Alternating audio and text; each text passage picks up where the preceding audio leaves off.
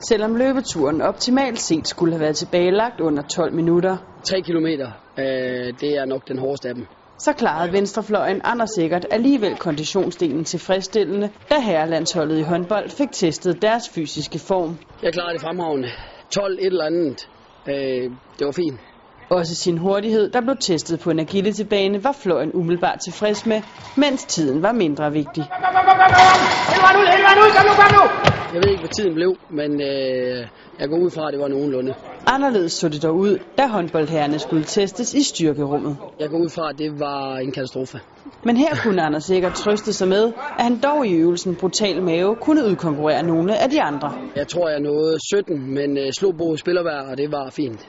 Og helt slemt stod det der heller ikke til, hverken i squat Når op i tre cifre i hvert fald. eller bænkpres. Der var det lige knap så meget. Jeg tror, jeg når 70.